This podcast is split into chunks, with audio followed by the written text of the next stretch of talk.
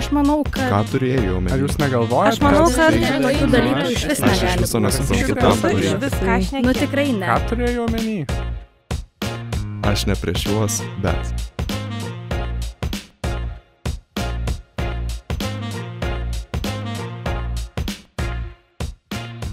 Litiškumo ūkdymas mokyklose lemia sumažėjusi lytinių partnerių skaičių, sumažėjusi rizikingų pasirinkimų skaičių, padidėjusių kontracepcinių priemonių vartojimą, padidėjusių prezervatyvų naudojimą. Ir iš tikrųjų, na, mes siekiame e, tiesiog informuoti tuos jaunuolius, priimti sprendimus patiems. Mes nes nesakome, kad tai yra tiesiog faktas, jūs darykite taip, o ne kitaip, bet mes tiesiog norime paskatinti juos metodais ir nebūtinai vien kažkokia sausa informacija, bet būtent per žaidimą suprasti geriau tas temas ir priimti sprendimus, informuotus sprendimus patiems.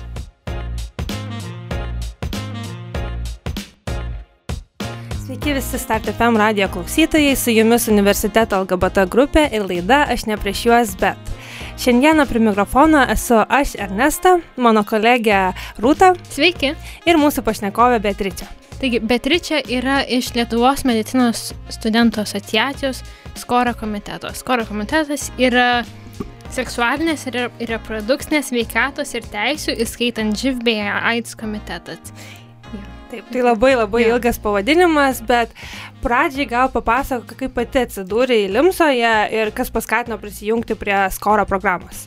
Taip, uh, tai iš tikrųjų mano kelionė Limsoje prasidėjo dar mokykloje, nes man tiesiog pasisekė turėti labai gerą biologijos mokytoją, kuri iš tikrųjų mums net pasakojo apie tokius dalykus kaip atletiškumo ūkdymas, kai dar tai nebuvo programoje. Ir būtent dar mokykloje mes atlikome vieną iš Limsa tokių kaip veiklų, tai buvo rašėme laiškus, e, laiškus kovotojams, tai buvo tiesiog, kad bet kas gali parašyti laiškus moteriams sergančiams onkologinėmis lygomis.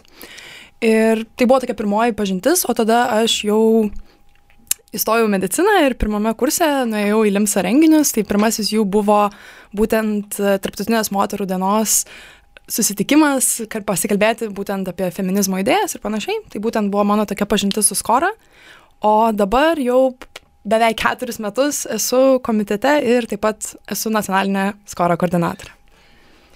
Taigi, minėjai, kad jau keturis metus esi nu, komitete, tai gal galėtum papasakoti plačiau, ką Skoro komitetas veikia. Taip, tai čia iš tikrųjų reikės šiek tiek konteksto. Tai Lietuvos medicinos studentų asociacija yra tarptautinės e, medicinos studentų asociacijų federacijos AFMCA narė. Tai ką tai reiškia, tai yra, kad e, mūsų, kom, mūsų mm, organizacija turi tam tikrus komitetus, kurie dirba su žmogaus teisėmis, kurie dirba su seksualinė ir produkcinė sveikata ir teisėmis, kurie dirba su medicinos studentų mainais. Ir būtent pagal šitos komitetus atsispindi ir mūsų prioritetinės sritis. Tai būtent e, limsai tai yra motinos sveikata ir, saugus, ir prieiga prie saugaus aborto, e, litiškumo ūkdymas smurtas lyties pagrindų, feminizmas na, ir taip toliau. Ir būtent šiomis prioritetinėmis rytimis Limsa ir organizuoja renginius tiek vietinių lygmenių Vilniuje, tiek nacionalinių. Tai pavyzdžiui, um, Praeitą semestrą mes organizavome živ testavimą Vilniaus universiteto medicinos fakultete, organizavome mokymus apie živ. Šį pavasarį turėsime uh, projektą, kur gali dalyvauti kiekvienas, tai yra More Than Baby Blues apie uh, postnatalinę depresiją. Ir uh, taip pat esame vedę renginius apie feminizmą, lytiškai plintančias infekcijas ir be abejo vedame litiškumo augdama pamokas Lietuvos mokyklose. Taip, tai dabar šiek tiek plačiau apie būtent tas pamokas ir tuos moksleivius. Um, tai kokia visgi situacija yra dabartinėse Lietuvos mokyklose, nes pati minėjai, kad turėjai labai gerą biologijos mokytoją, bet kaip aš prisimenu iš savo asmeninės patirties litiškumo mokymus, tai tiesiog buvo taip, kad atskyrė mergaitės, papasakojo jam apie mėnesinės ir, ir viskas tom ir baigėsi tas litiškumas. Tai kaip dabar, va, tarkim, ar per dešimt metų kažkas pasikeitė ar ne? Mm, taip, tai iš tikrųjų švietimo ir mokslo dabar jau ir sporto ministerija 2016 metais įvedė privalomą litiškumo ūkdymo programą. Tai teoriškai aš pacituosiu. Sveikatos ir litiškumo ūkdymas bei rengimas šeimai integruojamas į visų dalykų programų turimo, turinį ir neformalų švietimą, taip pat kiekvienoje ūkdymo pakopoje. Tai kaip praktiškai įgyvendinamas šis projektas mes iš tikrųjų vertinti negalime, nes mes nesame atlikę kažkokių tyrimų ar apklausų ir taip pat nėra ir kažkokios aiškios statistikos, ar iš tikrųjų tai yra taip gerai įgyvendinama ir, na, kaip čia pasakyti, kokie yra rezultatai. Tai gegužės mėnesį Lietuvos Respublikos Seime vyko konferencija reprodukcinės ir seksualinės sveikatos apsaugos iššūkiai. Tenai dalyvavo ir mūsų atstovė ir būtent tenai Lietuvos žmogaus teisų centro komunikacijos vadovė teigia, kad privaloma litiškumo ūkdymo programa Lietuvoje šlubuoja. Tai akredituotose programuose, iš kurių turėtų nuotoliniu būdu mokytis pedagogai, pasitaiko visiško melo, visiškai nieko bendro su mokslo neturinčių žinių, faktų ir būtent tuo pačiu reikia pripažinti, kad litiškumo tema iš tikrųjų yra gan, na, prieštaringai vertinama ir tuo labiau tai yra tikrai jautris rytis. Mm. Tai, tai tikrai priklauso ir nuo pedagogo. Tuo labiau skiriasi ir lygiai taip pat pedagogų požiūris į tam tikras temas litiškumo ir uh, iš tikrųjų, kaip teigia, tai iš tikrųjų išlubuoja. Tai vad mes norime šiuo atveju irgi tai kažkaip keisti ir imtis iniciatyvos. Mhm. Jo, kad, kadangi taip šlubuoja, gal galėtum paaiškinti, kas iš viso yra litiškumas.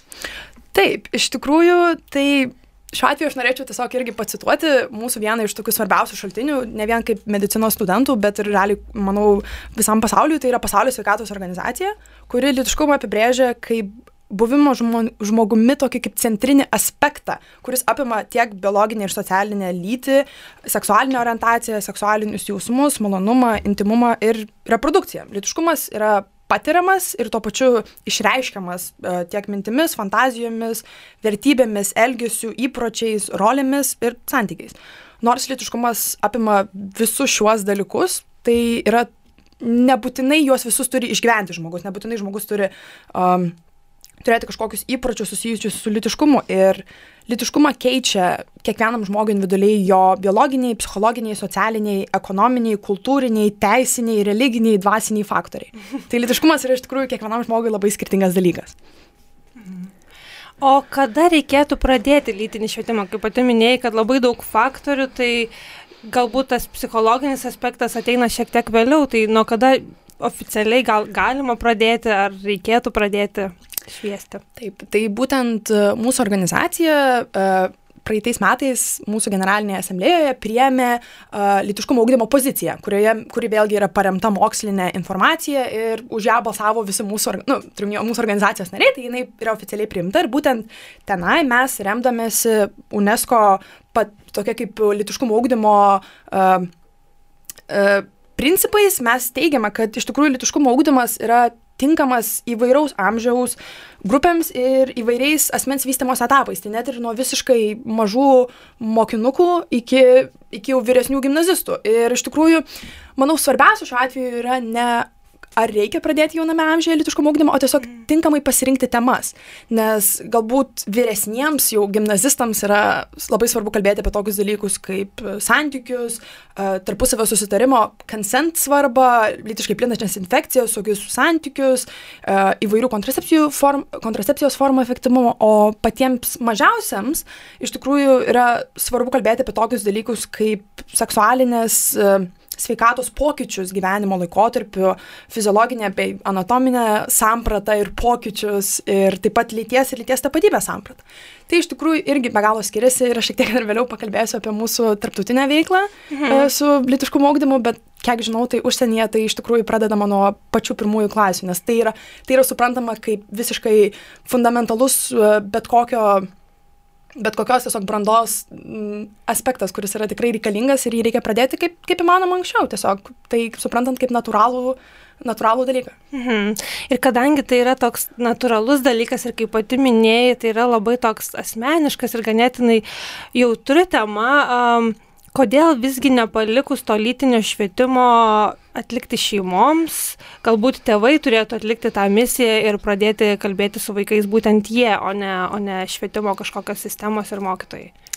Tai yra labai geras klausimas ir iš tikrųjų tai mm, pirmiausia, Limsa e, skatina e, ugdymo sektorių, nu, mūsų pozicijoje mes turime tokį kaip paskatinimą būtent ugdymo sektorių suteikti daugiau informacijos tevams ir globėjams apie litiškumo ugdymo kaip ugdymo dalies svarbą ir būtent pabrėžiant litiškumo ugdymo sąsąją su visuotinėmis žmogaus teisėmis.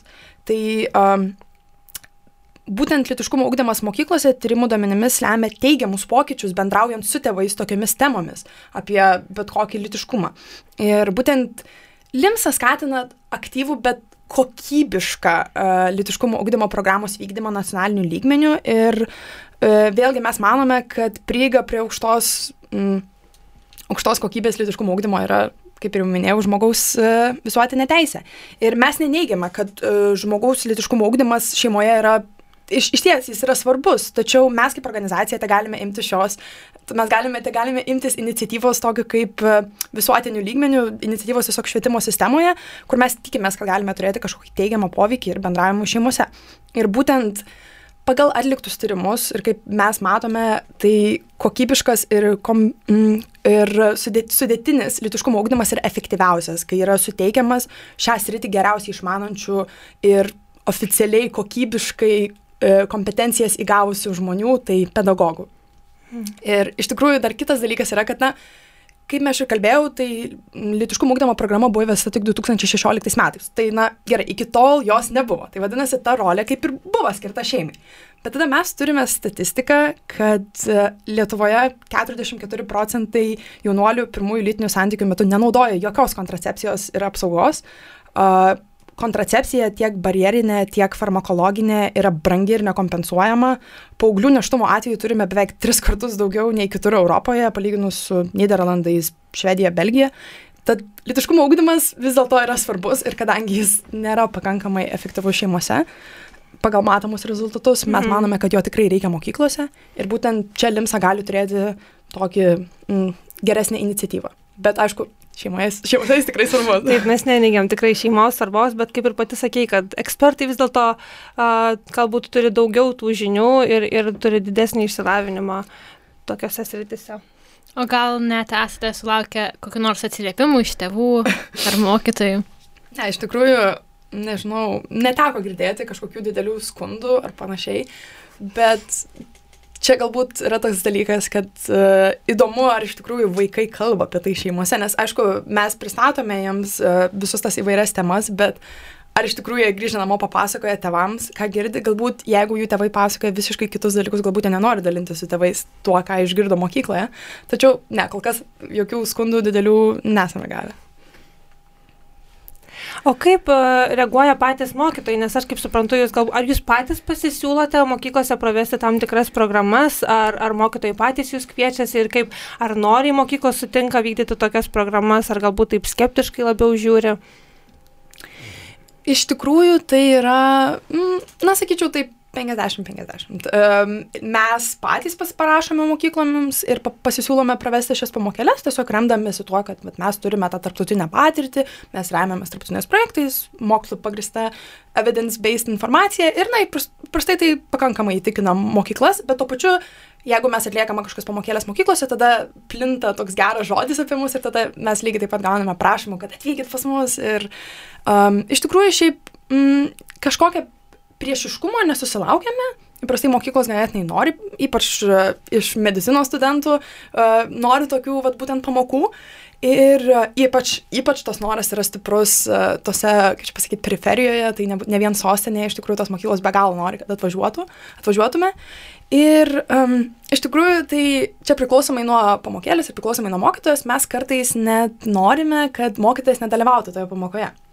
Čia yra todėl, kad uh, mūsų va, tas litiškumo ugdymas mes daugiausia remiamės tos tarptautinės medicinos studentų asociacijų federacijos tokiu principu, kai tai vadinasi peer-to-peer -peer education.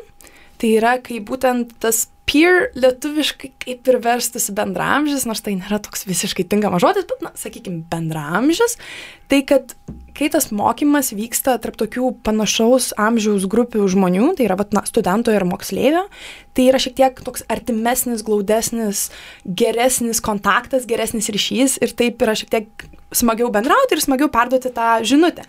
Ir būtent tai leidžia, dėl to mes kartais ir paprašome, kad mokytojas leistų mums būti vieniems, mes, aišku, mokomės, kaip kontroliuoti ten publiką ir kaip mums susitvarkyti su tais moksleiviais, bet e, vėlgi, jeigu įmanoma, mes tiesiog mėgstame turėti tą tokį glaudų ryšį su moksleiviais ir dėl to kažkokių problemų irgi nekyla ir tie mokytojai per daug irgi ne, neišreiškia nepasitenkinimo ir visas, viskas visai iš tikrųjų gerai sekasi. Mhm.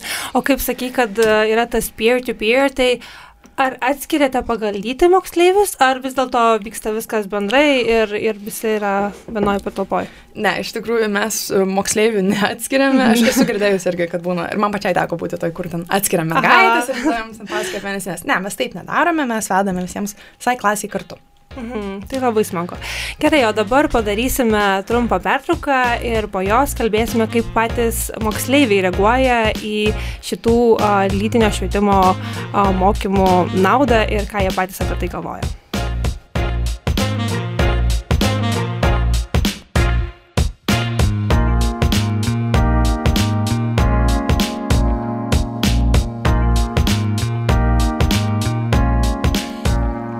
Sveiki sugrįžę, jūs klausotės, Start FM ir su jumis yra Ernesta ir Rūta iš universiteto LGBT plus grupės. Prieš muzikinę pertrauką mes kalbė, kalbėjome su Beatričia apie lytiškumą, lytiškumo ūkdymo mokyklose. Taip, ir dar prieš pratesant pokalbį noriu priminti, kad jeigu norite pirmieji išgirsti mūsų laidų įrašus ir padėti mums tobulėti bei aukti, galite paremti mus mūsų Patreon paskyroje. Tai um, prieš, pokalbį, prieš pauzę mes kalbėjomės apie tą lytinį švietimą ir tai, kaip jūs važiuojate į mokyklas. Tai dabar būtų labai įdomu sužinoti, kaip patys moksleiviai reaguoja į šitas programas, ar, ar jie būna aktyvus ir ar nebūna jiem vis dėlto tos tokios gėdos kalbėtis apie tokias intimes temas. Moksleiviai reaguoja iš ties įvairiai, na, būna visko, būna juoko, būna šalto bejingumo, pašaipų, beprotiško susidomėjimo ir aktyvumo. Iš tikrųjų, mes kalbame apie mes e, savo mokymuose, kur mes ruošiamės būtent e, šitam, šitoms pamokėlėms, mes kalbame apie įvairias vaikų reakcijas ir mokomės, kaip kontroliuoti publiką ir kaip sukurti malonę, jaukę ir svarbiausia saugią aplinką kalbėti iš ties labai intimiomis temomis. E, vaikai matydami, kad na, mums nėra gėda apie tai kalbėti, ar mums nėra nejauku, nėra kažkoks tabu kalbėti apie visus litiškumo ugdymo dalykus, patys labiau atsipalaiduoja ir stengiasi aktyviai, iš tikrųjų, iš ties aktyviai dalyvauja užduotise. Ir mano kolegė ir gera draugė Mantė, taip pat aktyvi litiškumo ugdymo mokymų vedėja, yra pasakysi, ir mes šitą dažnai atkartojame savo mokymuose, kad nu, juokinga, nu tai ir juokimės, kad vaikai yra vaikai ir iš ties nereikia turbūt perimtai žiūrėti į save ir geriau yra toks natūralus, šiltas bendravimas, na, būtent toks yra to mūsų peer-to-peer -peer education tikslas, kad būtų tiesiog geras ryšys, kad būtų jauku ir saugu kalbėti toje aplinkoje, toje klasėje apie, apie realiai viską. Mhm. Ir sakai, kad jums patiems nėra gėda, tai ar jums irgi nereikėjo perlipti kažkokio to barjero, to tokio nejaukumo? Aš manau, kad čia ir yra mūsų komiteto grožis, kad Aha. uh, mūsų komitete, uh, mūsų, kiekvienas komitetas uh, Limsoje, taip pat kaip ir AFMCA, uh, turi savo kažkokius vat, rolės, tai mes esame skorangelai, bet iš tikrųjų mes visi esame tokie užsidegę šiomis temomis ir uh, vėlgi, ir į mūsų mokymus, kurie yra skirti na, medicinos studentams, ateina įvairių žmonių, bet mes tiesiog atsiveriame per tą laiką, mes pasikalbame apie tai, kaip, na, čia anglų kalba yra tokia gera frazė, vėlgi jūs turbūt žinosite, kad tas safe space, tai mes būtent tai ir puoselėme savo, savo mokymuose, mes sakome, kad what happens in score stays in score, tai vad mes skatiname tą tokį atvirumą ir atsipalaidavimą ir tiesiog irgi lygiai taip pat ir su studentais bendraudami, mes tiesiog. O gal galėtum dar mūsų klausytojams paaiškinti, kas tik tai yra safe space? Iš tikrųjų, tai tas yra, kad e, kai mes kalbame tokiamis intimiomis temomis, tai, na, vėlgi, tiesiog nesigėdinti klausimų, nesigėdinti to, kad tu kažko nežinai, kad galbūt kažkas yra neaišku, galbūt apie kažką iš tikrųjų nėra jauku net šnekėti. Ir mes niekada tiek tarpusavėje, tiek moksleivių neversime šnekėti apie tai, kas jiems yra nemalonu. Nes, na, aišku, tai yra tikrai intimios temos. Ir tas yra, kad safe space ir reiškia tai, kad mes nekalbam apie tai, apie ką mes nenorime kalbėti. Na, vėlgi, mes studentai jau esame šiek tiek labiau įsidrasinę. Bet tikrai neversime kalbėti apie kažką, kas tikrai sukels kažkokius nemalonus dalykus ar, na, triggerins ar panašiai. Tai va, ta, ta, tas reiškia, kad tas, tas saugi erdvė, kad mes leidžiame kalbėti, išsireikšti, bet to pačiu tikrai neversime jaustis ir nepatogiai. O kokie klausimai dažniausiai kyla moksleiviam? Iš ties e, labai įvairūs, tai mes, aš tikrųjų, kartais net skatiname užduoti anoniminius klausimus, tiesiog ant lipnių lapelių parašyti, kad nebūtų galbūt nemalonu klausti prieš, nu, prieš klasiokus. Tai ir moksleiviams drąsiau, ir e, iš tikrųjų priklausomai nuo temos, kurią mes tą dieną, nuo temų, kurias mes tą dieną vedame pamokoje, tai klausimai būna įvairūs, nuo pačių elementariausių dalykų, ten ar galima plauti prezervatyvus, ar galima naudoti du prezervatyvus vienu metu, tai buvo atsakymai ne. Iki iš ties, ir vėlgi, jeigu tai yra vyresni moksleiviai, tai gali būti ir labai sudėtingi klausimai apie neštumo nutraukimo etinius aspektus ar lyties keitimo operacijas. Iš ties dažnai žmonėms, moksleiviams yra neaišku visi tie terminai, um, kas yra lytinė tapatybė, kas yra lyties ekspresija. Ir, na, aš visiškai suprantu, ir mums studentams tai kartais būna tikrai sunku ir tikrai suprantama, kad, na, tai būna neaišku, čia tokie dažniausi klausimai yra, bet manau, tai vėlgi aš pasikartosiu, kad, na, tas geris ir yra to tokio bendramžių ūkdymo, kad jiems yra šiek tiek drąsiau mums užduoti klausimus ir vaikai yra tikrai smalsus ir tų klausimų būna nemažai ir mes labai džiaugiamės, kad mes galime pateikti tą iš tikrųjų tokią tikslingą informaciją. Tai dabar tęsiant tą temą apie lytinę tapatybę, aš iš tikrųjų labai nudžiugau pamačiusi tą jūsų vieną iš metodikų apie tą gender unicorn arba lietuviškai, nežinau, lyties vienaragis, kurioje ir kalbam apie tą lytinę tapatybę, lytinę orientaciją. Tai pirmiausia, gal klausimas, kodėl yra svarbu išskirti tiek biologinę lytį, tiek socialinę lytį? Na, ir kokie tie skirtumai tarp jų?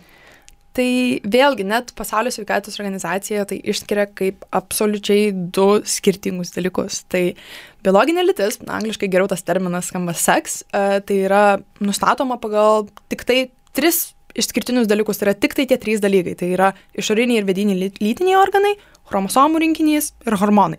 Tai iš esmės e, biologinė lytis tai yra, tai yra, tai yra tiesiog anatomija, kai žmogus gimsta vyras, uh, atsimenu, kaip sakyti, biologinis vyras, biologinė moteris arba tarplytis, tai geriau angliškai skamba intersex. Tai va. O būtent socialinė lytis lygiai taip pat pag, apibrėžiant pagal pasaulio sveikatos organizaciją, tai socialinis konstruktas, tai yra tai, kaip mes visuomenėje, kaip pati visuomenė apibūdina ir diferencijuoja skirtingas vyriškas, masculine ir moteriškas feminine savybės pagal visuomenėje sukurtų standartų. Tai vėlgi aš manau, kad yra svarbu išskirti šiuos dalykus, nes na, mes Lietuvoje turbūt juos suprantame kaip tokį vieną, vieną, tokį, vieną nekintantį faktorių, nors vėlgi jau ir pasaulio sveikatos organizacija ir kitos organizacijos pasaulyje, visame pasaulyje plačiai pripažįstama, kad tai yra visiškai dvi atskiros, vis, visiškai dvi atskiros, vis, atskir, atskiri dalykai. Taip. Taip, ir apskritai, kai lietuvių kalboje net vat, mes ir patys naudojam tos angliškus terminus, nes tiesiog nėra kaip, kaip to apibūdinti, tai manau tada ir žinios tos tokios ribotos, nes net nežinai, kaip pavadinti to. O su kokiamis problemomis gali susidurti žmonės, kurių, kurie netitinka visuomenės lyčių standartų? Taip, uh, tai iš tikrųjų čia, manau, labai tiktų pasi, pasiaiškinti tą visą mm, gender binary, kaip čia pasakyti, kaip idėją. Tai vėlgi lotynų kalba priešdalis by reiškia du. Tai iš esmės gender binary reiškia, kad tiesiog socialinę lytį visuomenėje dažniausiai skiriame į du tipus - tiesiog vyriškai ir moteriškai. Ir būtent šiais laikais pradėta į socialinę lytį žiūrėti kaip į spektrą. Tai tiesiog socialinės lyties konstruktas nori žmonės padalinti į du tipus - tiesiog vienas arba kitas. Ir čia labai tinka tie terminai gender conforming o non-conforming. Tai yra tiesiog žmogus, kuris arba atitinka tą binarę sistemą, arba netitinka. Ir e, būtent dalyvaujant tarptautiniuose renginiuose, kurios, pavyzdžiui, Tarptautinė medicinos studentų asociacijų federacija organizuoja, tai mes dažnai net stengiamės vengti tokių žodžių kaip, pavyzdžiui, normalus. Nes, na, iš tikrųjų, ką tai iš viso reiškia? Tai bet kokia norma, tai, tai yra socialinis konstruktas atspindėti visuomenėje esančią daugumą. Tačiau tai nereiškia, kad tai, kas nėra daugumoje, yra nenormalu. Tai būtent mokymuose, pavyzdžiui, mes mėgstame pašnekėti, ką reiškia žodis queer. Nes, na, iš tikrųjų tai yra platus terminas, kaip umbrella terminas, kaip sakoma, mhm. E, žmonėms, kurių socialinė lytis ar seksualinė orientacija netitinka heteronormatyvių cisgender visuomenės standartų. Ir e, iš tikrųjų pasikalbėti apie kokias problemas susiduria šie asmenys, aš dabar norėčiau iš to tokios pusės, kad, na, tai kas aktualu mums, tai yra, kad e, vėlgi mes esame medicinos studentai ir kai mes priklausome Tarptautiniai medicinos studentų asociacijai, ji yra parašusi poziciją apie LGBTQIA, sakiau, e, žmonių sveikatą. Ir būtent tai, kaip mums, kaip būsimiems medicinos specialistams, yra itin aktualu, kad būtent, na, aš sakysiu, LGBT individai dažniau patiria visuomenės spaudimą, priespaudą dėl savo įsitikinimų, kas statistiškai lemia prastesnį jų sveikatos priežiūrą, fizinės ir psichologinės sveikatos problemas, na, pavyzdžiui, psichinės sveikatos lygas, piktaudžiavimą psichoktyviausiamis medžiagomis uh, ir įvairias lygas, pavyzdžiui, policistinių kiaušidžių sindromą ir taip toliau. Ir taip pat, pavyzdžiui, tokie asmenys statistiškai dažniau susiduria su depresijos, nerimo, mytybos sutrikimais ir mintimis apie savižudybę lygybė, tai yra ypač svarbu jauniems LGBT bendruomenės nariams ir būtent tai, manau, yra didžiausios problemos žmonėms, kurie netitinka tų visuomenės normų. Ir būtent apie tai mes bandome šnekėti tiek kaip medicinos specialistai, tarptautiniuose renginiuose ir vietinių lygmenių. Ir taip pat mes bandome šnekėti apie visą apie visą tą terminologiją ir su moksleiviais. Tiesiog, kad tai, kad supažininti juos ir tiesiog parodyti jam tą tokį tarptautinį požiūrį į šią situaciją. Mhm. O kaip moksleiviai patys, ar irgi, ar nori išnekasi apie tai, ar jie turi galbūt daugiau žinių, nes dabar internete galima rasti pakankamai daug informacijos, ne visai jinai yra teisinga, tai ar jums tenka, tarkim, keisti jų kažkaip tas žinias, kurias jie turi neteisingas, ar, ar dar visai tų žinių nėra gal tiek daug, kiek mes įsivaizduojam? Tai iš ties irgi priklauso nuo moksleivių amžiaus. E, kuo jie yra vyresni, tuo tikrai dažniausiai būna apie tai girdėję ir pasiskaitę internete. Ir na, vėlgi, internetas yra beribis ir galima rasti tiek labai daug teisingos, tiek labai daug neteisingos ir labai priešiškos informacijos. Tai vėlgi mes stengiamės viską pateikti labai iš tokio, kaip tiesiog tokios saugios, neutralios pozicijos, nebandydami kažkelti kažkokių ten uh, konfliktų ar panašiai. Ir iš tikrųjų, um, na, aš manau, kad yra gerai, kad jaunimas taip aktyviai domisi tokiais dalykais internete. Yra be galo smagu, kai tu ateini į kažkokią pamoką ar bendrauji su kažkokiais e, jaunuoliais ir jie, be, jie taip džiaugiasi, kad, o dieve, kažkas apie šitą iš tikrųjų kalba ir kažkam iš tikrųjų rūpi ir kažkas supranta. Ir aš, pat, aš pati tokia buvau, aš pati buvau uh, universiteto kaip fuksų stovykloje, kur būna pirmakursiams ir mūsų ten limsa klausė, kas gali pasakyti, kuo skiriasi gender nuo seks. Ir aš pati buvau iš mokyklos atėjusi, tai ko dieve, žinau, žinau. Tai vad, labai gera matyti tokius aktyvius jaunuolius, o tie, kurie galbūt yra šiek tiek nepakankamai žino apie tai arba kažkaip suklaidinti yra, tai tada tiesiog būtent to mes ir sekime, kad tiesiog su, su, su pasidalinti tomis žiniomis su jais ir galbūt paskatinti juos pasižiūrėti į teisingą informaciją arba pasidomėti apie tai daugiau. Mhm. Ir galbūt net m, labiau empatiškai tada jausti su savo kolegomis, kad nebūtinai galbūt tu esi homoseksualus ar taip toliau, bet galbūt tavo, ta, nežinau, kasiokas ar, ar draugas yra, tai galbūt jam netgi padės, padės tavo žinias. Taip. Gal galėtum papasakot kokiu nors įsimintinų dalykų, kurie įvyko mokymo metu? Iš ties tai mm, kažko tokio ypatingo iš savo patirties negaliu papasakoti, dažniausiai tai būna tiesiog kad žmonės jiems atrodo tai kažkoks visiškas, turim visiškai negredėti nauji dalykai.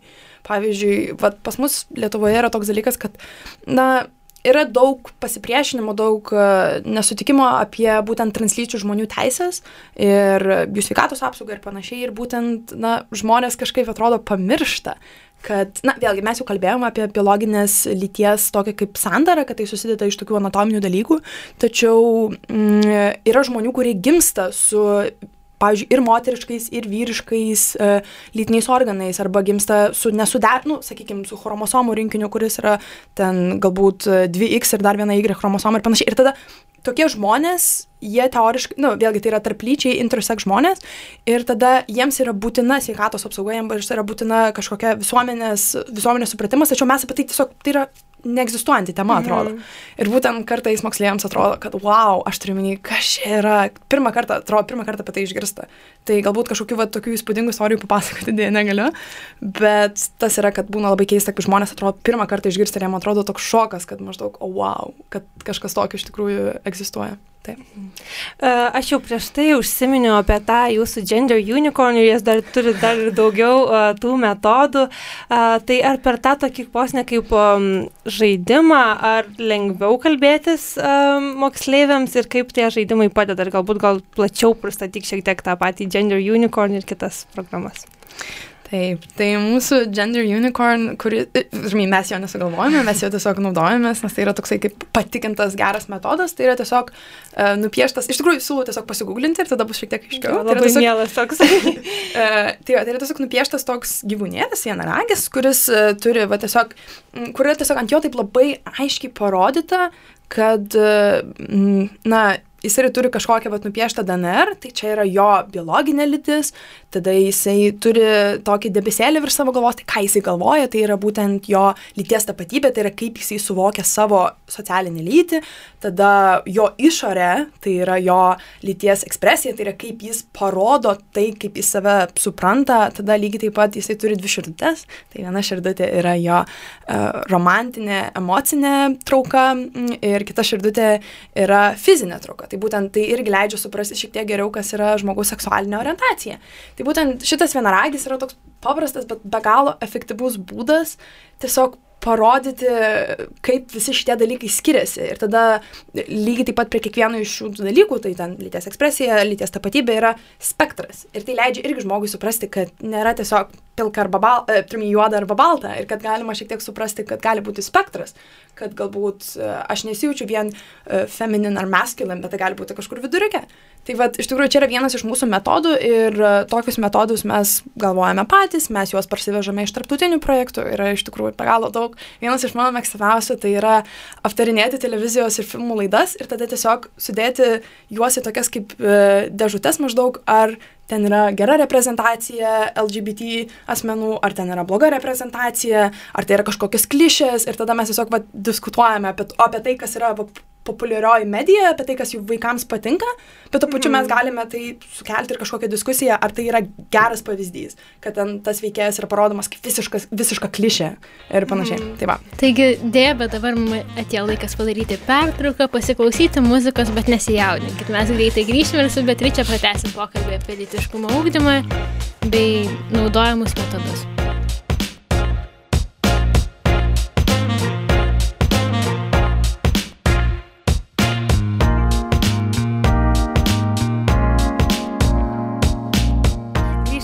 Start FM studiją ir čia yra laida Aš ne prieš juos, bet prie mikrofono esu aš Ernesta, mano kolegė Rūta ir mes kalbame su Beatričia. Taigi dabar norėčiau, kad pratestum savo pasakojimą apie dar vieną lyties, lytiškumo ūkdymo metodą apie televizijos laidas. Taip, tai čia ne, ne vien televizijos laidos, mes mm. kalbame taip pat apie filmus, tai yra tiesiog paskatinti moksleivius, pašnekėti apie filmus, serialus, kurie patinka jiems ir tada tiesiog pasišnekėti, ar kaip tenai yra reprezentuojama LGBTQI bendruomenė. Ar galbūt tenai yra naudojamas klišės, ar tenai iš viso nėra jokios reprezentacijos, ar ta reprezentacija yra sažininga jiems, ar jinai yra pašaipi ir ar geriau yra, kad, sakykime, medija parodo, kad tokie žmonės yra, bet iš jų šaiposi, ar galbūt tai, kad e, juos parodo kaip sudėtingus, kompleksiškus žmonės, kaip ir, bet, kaip ir mes visi esame. Tai iš tikrųjų čia yra vien, tik tai vienas iš pavyzdžių, tik tai keli pavyzdžiai, kokias mes metodikas naudojame mokyklose ir šias metodikas, kaip jau minėjau, mes prasivežame daugiausiai iš užsienio, kai kurias sugalvojame ir patys. Ir lygiai taip pat, e, na, aš vėlgi čia dabar paminėjau daugiausia LGBTQI. Um, temas, tačiau mūsų ūkdymo pozicija apibrėžia iš tikrųjų be galo daug temų, apie kurias mes kalbame. Tai vėlgi seksualinės ir produkcinės sveikatos samprata, tai būtent sveikatos pokyčiai gyvenimo eigoje, fiziologiniai anatominiai pokyčiai, saugus lytiniai santykiai, įvairių kontracepcijos formų efektyvumas, saugus neštumo nutraukimas, lytiškai plintančios infekcijos, ir teisų samprata, tai pavyzdžiui, kultūriniai, etiniai barjerai, tarp, e, abiejų žmonių tarpusavio susitarimo, consent svarba, e, malonumas, tai tiesiog pozityvus požiūris jaunų žmonių litiškumą, požiūris į lytinius santykius, pirmieji lytiniai santykiai, emocinis, fizinis, seksualinis e, potraukis, ryšys, būtent taip pat be abejo smurto samprata, tai yra įvairios smurto formos, daug dėmesio skiriant smurtui lyties pagrindui, seksualiniam priekabiavimui, egzistuojančiams pagalbos būdams metodams smurto prevencijai, lygiai taip pat kalbant apie įvairovę, tai yra religinės, kultūrinės, etinės, seksualinės orientacijos e, statuso įvairovės ir įtakos asmens gyvenimo laikotarpiui, diskriminacija, e, taip pat tarp asmeninius santykius, tai yra tiesiog skirtingų tipų santykius, apie emocinę sveikatą, intimumą, sveikų santykių sampartą, bendramžių spaudimą ir emocinio ir fizinio ryšio palyginimą. Iš tikrųjų, tų temų yra be galo daug ir mes metodų irgi turime be galo daug. Tai būtent Mm, mes siekiame, kad jauni žmonės mm, negautų vien kažkokių faktų, kad mes neteiname į pamoką ir nerodom jam e, skaidrių ir tiesiog ABCD ir viskas. Mes stengiamės, kad jauni žmonės geriau suprastų save, tiesiog įtraukiant kognityvinius, emocinius, fizinius, socialinius aspektus. Tai būtent lytiškumo ugdymo siekis yra suteikti galimybę moksleiviui su, uh, geriau suprasti save ir suprasti santykius, informuoti, suteikti jam galių priimti tingimus sprendimus savo gyvenime. Uh, uh, sa, priimti tingimus sprendimus apie savo seksualinę produkcinę sveikatą ir teisės. Ir aš dabar perėsiu šiek tiek į kitą dalyką, bet tiesiog, kad moksliniais tyrimais jau yra, yra įrodyta, kad litiškumo ugdymas mokyklose lemia sumažėjusi lytinių partnerių skaičių, sumažėjusi rizikingų pasirinkimų skaičių, vad būtent tokių na, seksualinės ar produkcinės sveikatos mhm. rizikingų pasirinkimų skaičių, padidėjusių kontracepcinių priemonių vartojimą, padidėję, padidėjusių prezervatyvo, naudo, padidėjusių prezervatyvų naudojimą. Ir iš tikrųjų, na, mes siekiame e, tiesiog informuoti tuos jaunuolius, priimti sprendimus patiems. Mes nesakome, kad tai yra tiesiog faktas, jūs darykit taip, o ne kitaip, bet mes tiesiog norime paskatinti juos metodais ir nebūtinai vien kažkokia sausa informacija, bet būtent per žaidimą suprasti geriau tas temas ir priimti sprendimus, informuotus sprendimus patiems. Mhm. Tai kaip ir minėjai, temų yra begalės ir labai daug, jūs dirbate su moksleiviais ir paaugliais, tai tokia irgi amžiaus tarpsnis, kur toks galbūt labai maištingas ir temos yra labai intimios, tai kokie didžiausi iššūkiai, su kuriais jūs susidurėt? Iš tikrųjų, turbūt iššūkiai didžiausi nėra net tos pačios temos, nes mes joms esame pasiruošę ir mes neturime kažkokios gėdos apie tai išnekėti ir mes, nu, kaip čia pasakyti, mes neturime tabų, bet vėlgi turbūt didžiausios problemos yra mes patys, tai yra, čia skamba tai baisiai, bet mes esame medicinos studentai ir, na, didžiulis iššūkis yra mūsų studijos, kad, na, nepaslaptis, kad medicinos studijos yra tikrai įtemptos ir reikalauja labai daug laiko. Tai kartais yra sunku suburti komandas, kad patenkinti tą poreikį, kiek tų pamokėlių iš tikrųjų norima, bet aš bet kokiu atveju be galo džiaugiuosi, kad uh, mūsų bendruomenėje iš tikrųjų yra labai daug aktyvių medicinos studentų, kurie visgi skiria savo laiką šioms pamokėlėms. Tai turbūt tai yra toks didžiausias mūsų iššūkis, su kuriuo mes dirbame. O nekyla problemų dėl nepilnamečio apsaugos įstatymo? jo, čia teko man apie tai girdėti ir čia yra toks irgi diskusinis dalykas, tačiau vėlgi mes pateikėme evidence-based mokslinę informaciją, kurią parengia tokios organizacijos kaip Pasaulio sveikatos organizacija, UNESCO ir taip toliau. Tai, na, iš tikrųjų mes tiesiog, mes nesiekime kažkokių didelių, na, kaip pasakyti, perversmų, mes tiesiog pateikiame informaciją ir, na, su to kol kas neteko susidurti, bet reikės iš tikrųjų pasidomėti ir daugiau.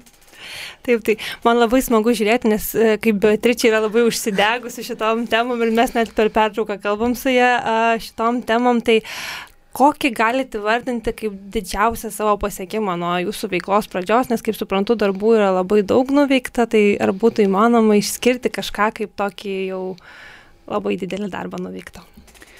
Tai iš tikrųjų, nepaisant to, kad mes jau esame buvę daugybę mokyklų, iš tikrųjų tikslaus skaičius negaliu pasakyti, nes iš pradžių net nebuvo, man rodos, vedama statistika, bet žiūrint tokį kaip platesnė, platesnius pasiekimus, tai mes labai džiaugiamės, kad Limsa nariai jau daug metų yra kviečiami dalyvauti litiškumo augdymo darbo grupėse, konferencijose Lietuvos Respublikos Seime. Taip pat dėl to aktyviai stengiamės reprezentuoti ir tobulinti litiškumo augdymo nacionaliniu lygmeniu. Taip pat labai džiaugiamės, kad uh, nuo 2019 metų LIMSA yra oficiali uh, Northern European Conference of Sexuality Education Projects šalis narė tai yra būtent irgi medicinos studentų asociacijų tokia kaip maž... Oi, mažesnė asociacija, kurioje, kuri yra skirta dalintis būtent litiškumo ugdymo projektais. Tai tenai mes susitinkame su 14 kitų Šiaurės Europos e, medicinos studentų asociacijų ir dalinamės litiškumo ugdymo projektų metodiką, gerąją patirtimi ir panašiai. Tai būtent Lietuva tapo šios organizacijos oficialia nare, mes to be galo džiaugiamės ir mes galime mokytis iš savo kolegų iš tikrųjų be galo gerų dalykų. Ir būtent šiais metais Limsa jau turės ten keturių savo atstovų delegaciją. Labai smagu. Tai jau praėjo keturi metai nuo to laiko, kai lytinis ugdymas buvo padarytas kaip privalomas dalykas švietimo sistemoje. Tai ar dar daug liko darbo tame ugdyme? Iš ties, aš manau, kad čia yra visiškai nesibaigianti, nesibaigiantis žygis ir nesibaigiantis noras tiesiog tobulinti, nes aš manau, kad bet kokiu atveju jaunimo kartos keičiasi ir mums per šitą uh, ugdymą reikės lygiai taip pat adaptuoti. Ir kita vertus, na, kaip mes matome, tai tas litiškumo ugdymo, ta litiškumo ugdymo programa nėra tokia efektyvi kol kas. Tai lygiai taip pat reikia tobulinti, reikia sekti statistiką, ar jinai pasiteisina, reikia sekti, kaip jinai yra įgyvendinama. Tada aš manau, kad čia tik tai kelio pradžia yra. Mhm. Tai taip jau užakcentuoti, tai kodėl visgi reikia kalbėti su tais moksleiviais apie litiškumą? Tai vėlgi, uh, mūsų tikslas, kaip aš jau minėjau, tai yra tiesiog suteikti įgūdžius jaunam žmogui priimti geriausius sprendimus. Ir li, būtent litiškumo ūkdymas tyrimų domenimis neskatina lytinės veiklos, seksualinių rizikingų pasirinkimų ir nedidina lytiškai plintančių infekcijų skaičiaus. Nes gan priešingai, litiškumo ugdymas turi teigiamą poveikį. Jisai gerina jaunuolių žinias ir gerina požiūrį apie savo reprodukcinę ir seksualinę sveikatą. Um, būtent mokymosi programos, kurios yra paremtos tik tai abstinencijos, na, tai susilaikymo principu, yra nustatytos neveiksmingomis ir ne, neveiksmingomis lytinio gyvenimo pradžios atitolinimui, lytinių veiksmų dažnio ar lytinių partnerių skaičiaus mažinimui. Tai programos, kurios savo žinias apie seksualinę veiklą pristato kartu su informacija apie kontraceptinės priemonės ir prezervatyvus, yra laikomas efektyvi, efektyvesnėmis. Pavyzdžiui, Junktinės Amerikos valstijose pusė valstijų uh, litiškumo ūkdymo programos yra paremtos abstinencijos skatinimu. Na, na kaip sakoma, kad uh, geriausia kontracepcija yra susilaikimas. susilaikimas. Tai vat, būtent 2011 metais paskeltas tyrimas teigia, kad toks susilaikimas skatinantis švietimas veikia priešingai yra susijęs su didesniu jaunuolių neštumo atvejų skaičiumi, bei e, nei universalus litiškumo ūkdymas. Taip pat litiškumo ūkdymo metu mums yra pakalo svarbu pateikti, na, informacijos atranka. Tai yra tiesiog remtis uh, tyrimais, remtis uh, patikimais šaltiniais. Mes siekiame taip aukščiausios įmanomos uh, litiškumo ūkdymo kokybės. Ir, na, aš jau minėjau, kad litiškumo ūkdymas iš tikrųjų turi jau patvirtintų ūkdymo pranašumų tiek trumpalaikių, gerinant tarpusavio bendravimą, santykius, santykius su tėvais, lygiai taip pat ilgalaikių, kai yra gerinama padidėjęs kontraceptinių priemonių vartojimas ir sumažėjęs rizikingų sprendimų kiekis. Tai žodžiu, tai, kad kalbėsim apie litiškumą, dar nereikš, kad uh, moksleiviai eis ir užsijims juos, o gal kaip tik atvirkščiai priims tokius atsakingesnius sprendimus. Pabaigai norėčiau paklausti, ko galime iš jūsų laukti ateityje. tai iš tikrųjų mes patys be galo vertiname savo pačių tobulėjimą ir būtent dabar aš labai didžiuojasi, kad e, mūsų komanda ruošia m, žinyną, tai tiesiog padėti vieni, vieni kitiems dar labiau tobulėti, pasiruošti pamokomis, pasidalinti patirtimi, tai būtent dabar mes prie to dirbame.